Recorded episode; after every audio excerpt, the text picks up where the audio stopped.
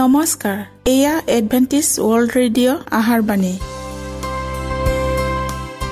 ঊনৈছ মিটাৰ বেণ্ডত পোন্ধৰ হাজাৰ পাঁচশ পঞ্চাছ কিলো হাজত।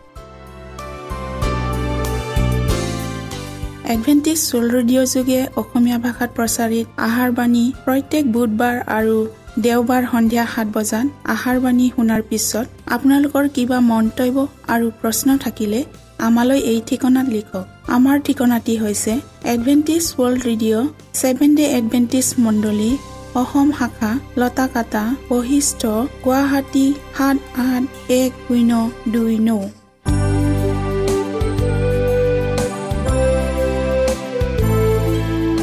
প্ৰিয় শ্ৰোতা বন্ধুসকল এতিয়া শুনো আহক এটি খ্ৰীষ্টীয় ধৰ্মীয় গীত।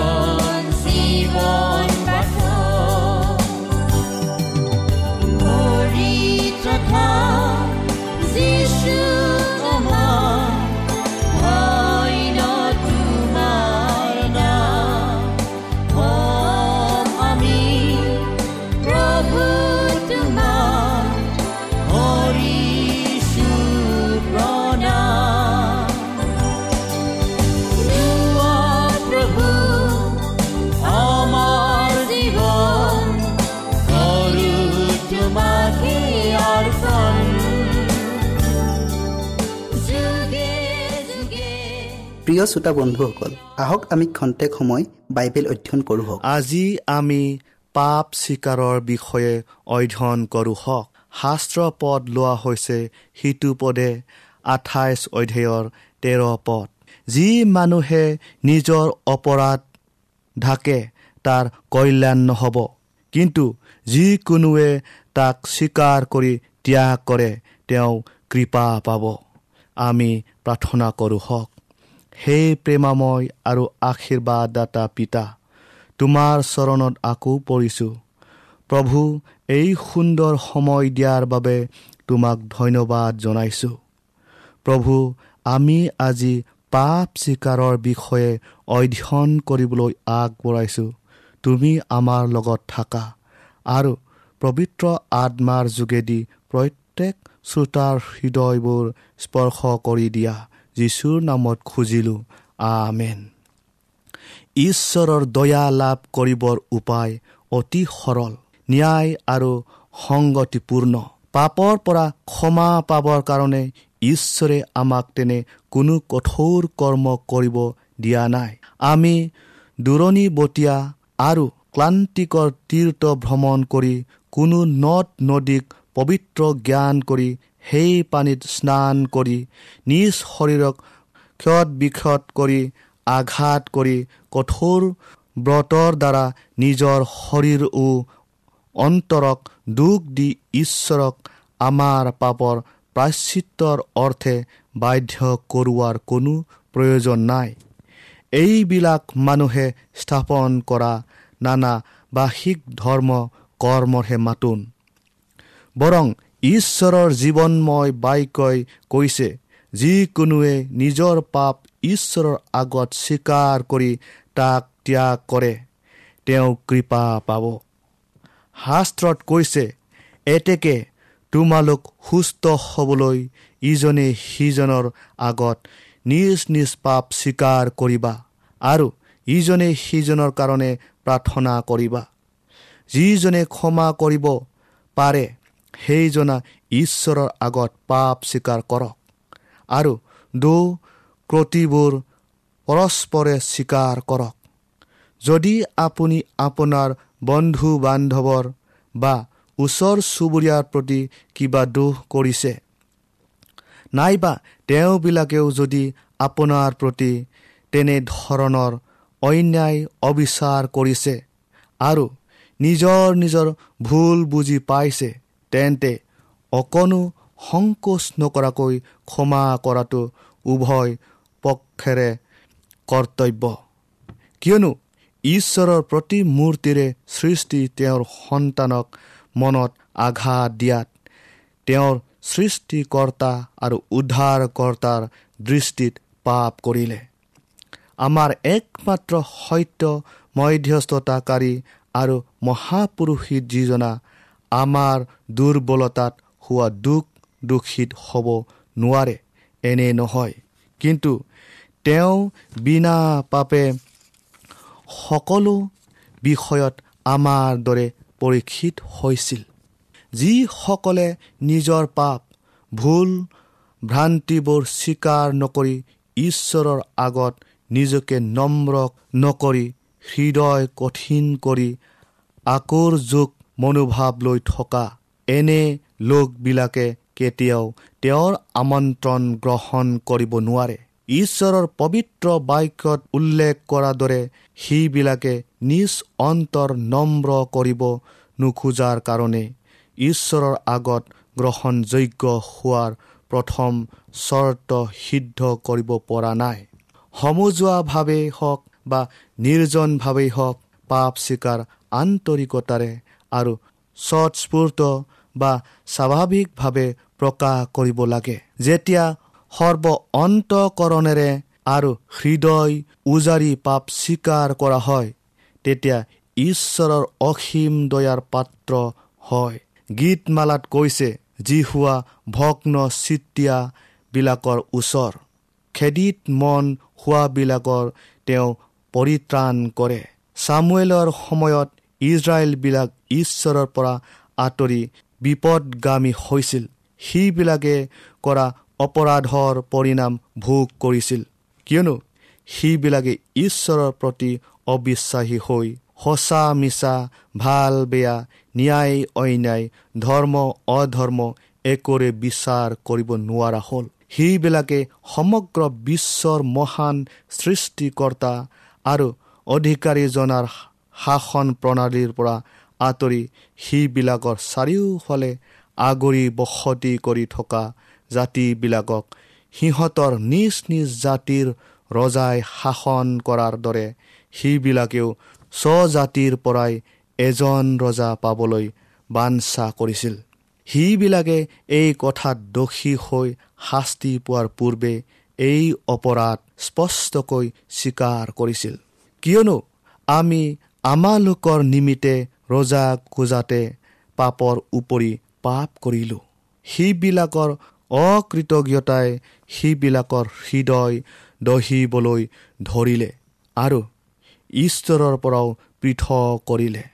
বিনম্ৰতাৰে অনুতাপ আৰু সম্পূৰ্ণ পৰিৱৰ্তন অবিহনে ঈশ্বৰৰ আগত পাপ স্বীকাৰ গ্ৰহণযোগ্য নহয়। ঈশ্বৰৰ দৃষ্টিত থকা আমাৰ আটাই দূষণীয় আৰু ঘৃণনীয় কৰ্মবোৰ পৰিহাৰ কৰি এক নিশ্চিত পৰিৱৰ্তন আনিব লাগে। এইটোৱে হ'ল পাপৰ নিমিত্তে প্ৰকৃত অনুতাপ কৰাৰ পদ্ধতি।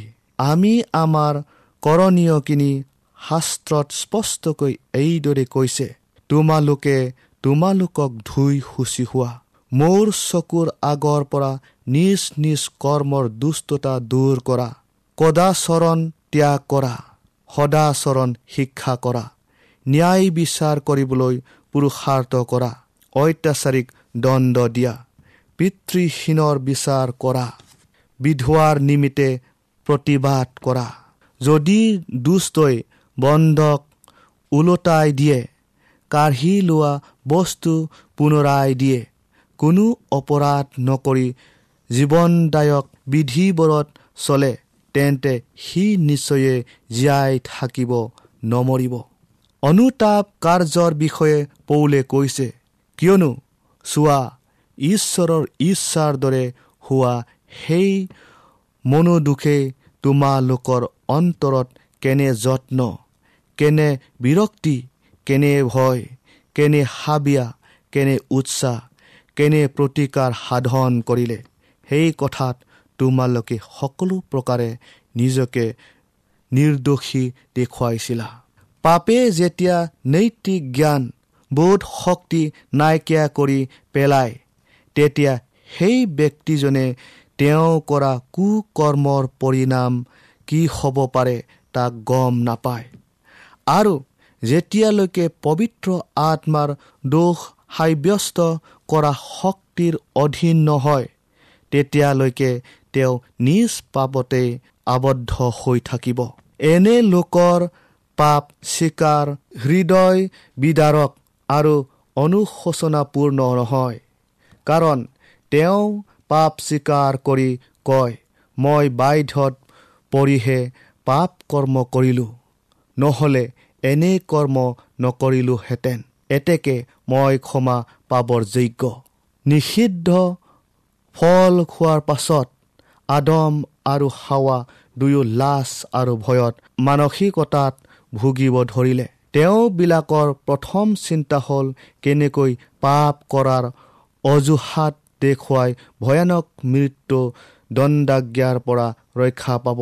যেতিয়া ঈশ্বৰে তেওঁবিলাকক পাপ কৰাৰ কাৰণ সুধিলে তেতিয়া আদমে আংশিকভাৱে ঈশ্বৰক আৰু আংশিকভাৱে তেওঁৰ সহচৰী হাৱাক দৌ দি ক'লে আপুনি যিজনী তিৰোতা মোৰ সংগিনী কৰি দিলে সেই তিৰোতাই মোক সেই গছৰ ফল দিলত মই তাক খালোঁ। এইবাৰ নাৰীয়ে অৰ্থাৎ হাৱাই সৰ্পক দোষ দি উত্তৰ দিলে। সৰ্পই মোক ভোলালতহে মই খালোঁ। এতিয়া উক্ত কটুপকটুন বিশ্লেষণ কৰি চালে দেখা পায়। সেই ঈশ্বৰ আপুনি সাপ কিয় সৃষ্টি কৰিলে? সাপক কিয় এডেনৰ প্ৰৱেশ কৰিব দিলে? এনেধৰণৰ টুলুঙা অজুহাতৰ প্ৰশ্ন প্ৰয়োগ কৰি ঈশ্বৰকে সিহঁতৰ পঠনৰ দায়িত্ব আৰোপ কৰিলে। নিজকে নিৰ্দোষী আৰু ধাৰ্মিক দেখুওৱা মনোভাৱ আদিৰে পৰাই মিছলীয়াৰ পিতৃৰ পৰা পোৱা আৰু আদমৰ আটাই পো নাতিয়ে তেতিয়াৰে পৰাই মিছাক ঢাল স্বৰূপে ব্যৱহাৰ কৰি আহিছে। ঐশ্বৰিক আত্মাৰ দ্বাৰাই অনুপ্ৰাণিত নহৈ মানুহৰ জ্ঞান বুদ্ধিৰে কৰা পাপ স্বীকাৰ ঈশ্বৰৰ আগত গ্ৰহণযোগ্য নহয়। কিন্তু ওপৰলৈ অৰ্থাৎ স্বৰ্গৰ ফালে মুখ কৰিবলৈ সাহ নাপায়। সেই বেচেৰা কৰ তোলাজনৰ দৰে গভীৰ অনুশোচনাৰে ক্ৰদন কৰক। সেই ঈশ্বৰ পাপী যি মই মোলৈ প্ৰায়চিত্ৰৰ দ্বাৰাই প্ৰসন্ন হওক আৰু প্ৰতিজন অনুতাপিত পাপীৰ কাৰণে যীশুৱে নিজৰ তেজ লৈ পাপ মোচনৰ অৰ্থে পিতৃৰ আগত নিবেদন কৰিব। প্ৰিয় শ্ৰোতা বন্ধুসকল পৌলে নিজকে নিৰপৰাধী সাজি নিজৰ পাপ ঢাকিবৰ চেষ্টা কৰা নাছিল বৰং নিজৰ পাপ মুক্ত কণ্ঠে স্বীকাৰ কৰি এইদৰে কৈছে প্ৰধান পুৰোহিতৰ পৰা ক্ষমতা পায়। অনেক পবিত্ৰ লোকক বন্দীশালত থৈছিলোঁ আৰু তেওঁবিলাকক বধ কৰা সময়ত তেওঁবিলাকৰ বিৰুদ্ধে সন্মতি প্ৰকাশ কৰিছিলোঁ আৰু নামঘৰে নামঘৰে তেওঁবিলাকক ঘনে ঘনে দণ্ড কৰি তেওঁবিলাকে যিহঁতে ধৰ্ম নিন্দা কৰিব তালৈ কাৰবাৰ কৰিছিলোঁ আৰু তেওঁবিলাকলৈ অতিশয় ক্ৰুদ্ধ হৈ আন দেশৰ নগৰলৈকে তাৰণা কৰিছিলোঁ। পাছলৈ তেওঁ অকণো সংকোচবোধ নকৰাকৈ স্বীকাৰ কৰিছিল। পাপী লোকৰ পৰিত্ৰাণ কৰিবৰ কাৰণে যীশুখ্ৰীষ্ট যে জগতলৈ আহিল। সেই পাপী লোকৰ মাজত ময়ে প্ৰধান বুলি প্ৰথম তিমতীয় এক অধ্যায়ৰ পোন্ধৰ পদত কৈছে। প্ৰিয় শ্ৰোতাসকল খেদিত আৰু ভগ্ন হৃদয়েৰে বশীভূত হৈ ঈশ্বৰৰ আগত পাপ স্বীকাৰ কৰোতাজন কালবাৰীৰ প্ৰদৰ্শন কৰা ঈশ্বৰৰ প্ৰেমৰ আশ্বাদ পাব। কিয়নো লিখা আছে কিন্তু আমি নিজ নিজ পাপবোৰ স্বীকাৰ কৰিলে বিশ্বাসী আৰু ধাৰ্মিক যি তেওঁ তেওঁ আমাৰ পাপবোৰ ক্ষমা কৰে আৰু সকলো অধৰ্মৰ পৰা আমাক সূচী কৰে।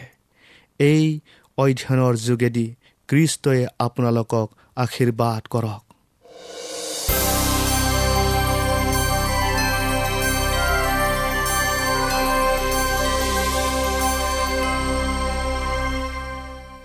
আজিৰ আমাৰ বিষয়টি হ'ল পৃথিৱীৰ ডাঙৰ মানুহসকলৰ আগত সাক্য দান বাইবেল পতি লোৱা হৈছে মঠি দহ অধ্যায়ৰ ওঠৰ পথ দেশাধিপতি আৰু ৰজাবিলাকৰ আগলৈ তেওঁবিলাক আৰু পৰজাতিবিলাকলৈ সাক্যৰ অৰ্থে মোৰ কাৰণে তোমালোকক নিয়া হ'ব। বিষয়টি আগবঢ়োৱাৰ আগত আমি প্ৰাৰ্থনা কৰোঁ হওক। স্বৰ্গত থকা অতি দয়াময় ঈশ্বৰ জেহুৱা ধন্যবাদ প্ৰভু তোমাৰ অনুগ্ৰহ আৰু আশীৰ্বাদৰ বাবে। প্ৰভু আমি যি বিষয়টি অধ্যয়ন কৰিবলৈ আগবঢ়াইছোঁ সেই বিষয়টিলৈ জানিবলৈ আমাক জ্ঞান আৰু বুদ্ধি দিয়া। প্ৰত্যেক শ্ৰোতাৰ লগত পবিত্ৰ আত্মাৰ যোগেদি তেওঁলোকৰ হৃদয় স্পৰ্শ কৰি দিয়া। যীশুৰ নামত খুজিলোঁ আমেন। সেই সময় আৰু আমাৰ পৰা বৰ বেছি দূৰত নাই যি সময়ত ঈশ্বৰৰ লোকবিলাকক তেওঁবিলাকৰ সাক্য প্ৰদান কৰিবলৈ তেওঁবিলাকক পৃথিৱীৰ শাসনকৰ্তাসকলৰ সন্মুখত উপস্থিত কৰা হ'ব। কিমান দ্ৰুত গতিত আমি আমাৰ ইতিহাসৰ মহাসংকটৰ ফালে অগ্ৰসৰ হৈছোঁ তাক বিছজনৰ মাজত এজনৰো উপলব্ধি হোৱা নাই। পিতাহী মাৰিবলৈ অশ্লীল কৰিবলৈ আৰু অপ্ৰয়োজনীয় বিষয়ত মূৰ ঘমাবলৈ সময় আৰু নাই। ৰজাসকলে ৰাজ্যপালসকলে আৰু ডাঙৰ ডাঙৰ মানুহবিলাকে এনে মানুহৰ বাৰ্তাৰ মাজেদি আপোনাৰ বিষয়ে খবৰ সংগ্ৰহ কৰিব যিসকল আপোনাৰ মহাশত্ৰু আৰু আপোনাৰ বিশ্বাস আৰু চৰিত্ৰৰ বিষয়ে তেওঁবিলাকৰ আগত ভুলকৈ উপস্থাপন কৰা হ'ব। কিন্তু যিসকলক মিছাকৈ অপবাদ দিয়া হ'ব তেওঁবিলাকে তেওঁবিলাকৰ অপবাদক সকলক নিজে উত্তৰ দিবলৈ এক সুন্দৰ সুযোগ পাব। পৃথিৱীত যিসকলক ডাঙৰ মানুহ বুলি জনা যায় তেওঁবিলাকৰ আগত সত্যতাৰ পোহৰ বিলাবলৈ তেওঁবিলাকে সুযোগ লাভ কৰিব। আৰু আপুনি যদি বাইবেলখন অধ্যয়ন কৰিলে তেন্তে আপোনাৰ লগত থকা আশাৰ বিষয়ে সোধা প্ৰতিজনৰ প্ৰশ্নৰ উত্তৰ নম্ৰতা আৰু সম্ভ্ৰমেৰে দিবলৈ আপুনি সাজু হৈ থাকিব। আপোনাৰ শত্ৰুসকলে আপোনাৰ জ্ঞানক অস্বীকাৰ কৰিবলৈ সমৰ্থ নহ'ব। ঈশ্বৰৰ বাক্য অধ্যয়ন কৰাৰ মাজেৰে আপুনি মহান বুদ্ধিদীপ্ত মানসিক শক্তি লাভ কৰিবলৈ সুবিধা পাব। কিন্তু আপুনি যদি এলেহুৱা আৰু সত্যতাৰ খনিটোক দকৈ খান্দিবলৈ অসফল হ'ল তেন্তে আপুনি সেই সংকটৰ বাবে নিজকে প্ৰস্তুত কৰা নাই। যি অতি সোনকালে আমাৰ ওপৰত পৰিবহি। প্ৰতিটোখন যে সোণতকৈও অধিক মূল্যৱান তাক আপুনি উপলব্ধি কৰা হ'লে কেনে ভাল আছিল। আপুনি যদি ঈশ্বৰৰ মুখৰ পৰা ওলোৱা প্ৰতিটো বাইকৰ দৰে জীৱন নিৰ্বাহ কৰা হ'লে আপোনাক অপ্ৰস্তুত অৱস্থাত থকা কেতিয়াও দেখা পোৱা নগ'লহেঁতেন। সত্যতাৰ বিষয়ে সাক্ষ্য দিবলৈ আপোনাক ক'ত মাতিব তাক আপুনি নাজানিব। বহুতে আইন আদালতত থিয় হ'ব লাগিব। কিছুমানে ৰজাসকলৰ সন্মুখত থিয় হ'ব লাগিব। আৰু পৃথিৱীৰ গণ্য মান্য লোকসকলৰ আগত থিয় হৈ নিজৰ বিশ্বাসৰ বিষয়ে ব্যাখ্যা কৰিব লাগিব। যিসকলে সত্যতাৰ বিষয়ে এনেই উপৰুৱাকৈ বুজি লৈছে তেওঁবিলাকে শাস্ত্ৰ বাক্যৰ বিষয়ে স্পষ্টকৈ ব্যাখ্যা দিবলৈ অসমৰ্থ হ'ব আৰু তেওঁবিলাকে কি বিশ্বাস কৰিছে তাৰ নিৰ্দিষ্ট কাৰণ দৰবাহ দৰ্শাব নোৱাৰিব। তেওঁবিলাকে বিবুদ্ধিত পৰিব আৰু এনে নিপুণ কৰ্মবীৰ হ'ব নোৱাৰিব যি লাজত নপৰে। কোনো মানুহে এইদৰে নাভাবক যে তেওঁৰ বাবে বাইবেল অধ্যয়নৰ প্ৰয়োজন নাই কাৰণ তেওঁ এজন প্ৰচাৰক নহয়। ঈশ্বৰে আপোনাৰ পৰা কি বিচাৰে আপুনি তাক নাজানেনে? আমোচ চাৰি অধ্যায়ৰ বাৰ পদটো আমি পঢ়োঁ হওক হে ইজৰাইল এইকাৰণে মই তোমালৈ এইবোৰ ব্যৱহাৰ কৰিম আৰু মই তোমালৈ এইদৰে ব্যৱহাৰ কৰিম দেখি। হে ইজৰাইল তুমি তোমাৰ ঈশ্বৰৰ লগত সাক্ষাৎ কৰিবলৈ যুগুত হোৱা।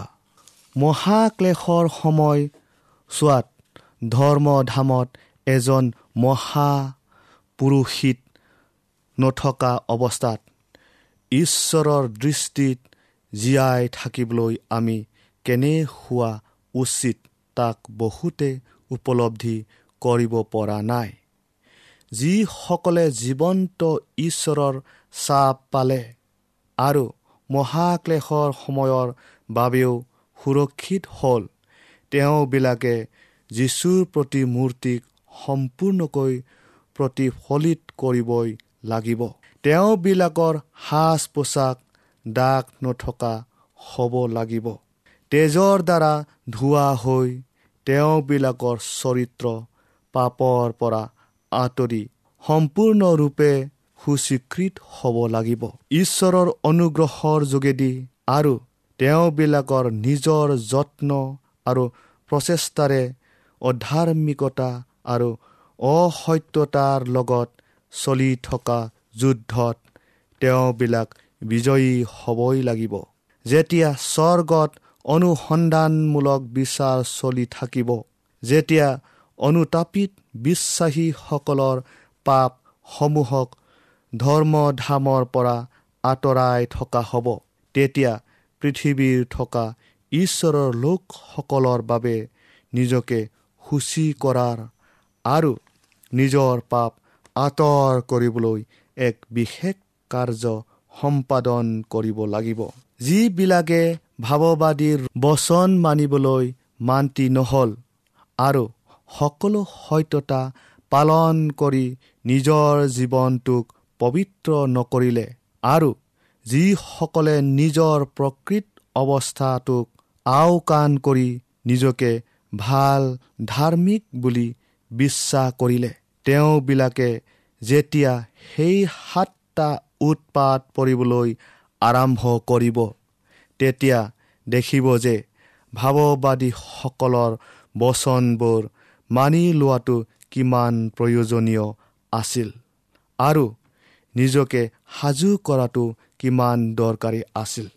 প্ৰতিটো বিৰক্তিজনক কাম গৰ্ব অহংকাৰ স্বাৰ্থপৰতা জগতৰ প্ৰতি লোভ আৰু প্ৰতিটো অশ্লীল আৰু বেয়া কথা আৰু বেয়া কাম এইবোৰৰ ওপৰত জয় কৰিব নোৱাৰা পৰ্যন্ত কোনেও সেই সঞ্জীৱনী শক্তি শেহতীয়া বৰষুণ লাভ কৰিবলৈ সক্ষম নহ'ল। প্ৰিয় শ্ৰোতা বন্ধুসকল সেইকাৰণে আমি প্ৰভুৰ অতি ওচৰলৈ চাপি যোৱা উচিত। আৰু প্ৰভুৰ সেই মহাদিনৰ যুদ্ধত থিয় হ'বলৈ নিজকে প্ৰস্তুত কৰাৰ প্ৰয়োজনীয় কাৰ্যখিনিক আন্তৰিক প্ৰচেষ্টাৰে সমাপন কৰিব লাগিব।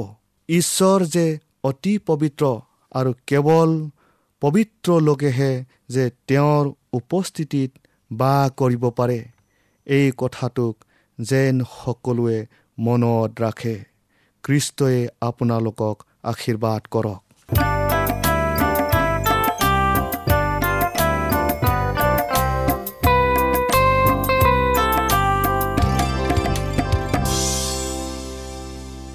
মনত ৰাখিব আমাৰ ঠিকনাটি পুনৰ কৈ দিছোঁ। Adventist world radio' Assam region of seven day Adventist voice of hope Latakata Basistha Guwahati seven eight one zero' two nine প্ৰিয় শ্ৰোতা বন্ধুসকল এডভেণ্টিজ ৱৰ্ল্ড ৰেডিঅ' যোগে আহাৰবাণী প্ৰচাৰত আপোনালোকক পুনৰ লগ পোৱাৰ আহাৰে আজিলৈ সামৰিলোঁ। ধন্যবাদ।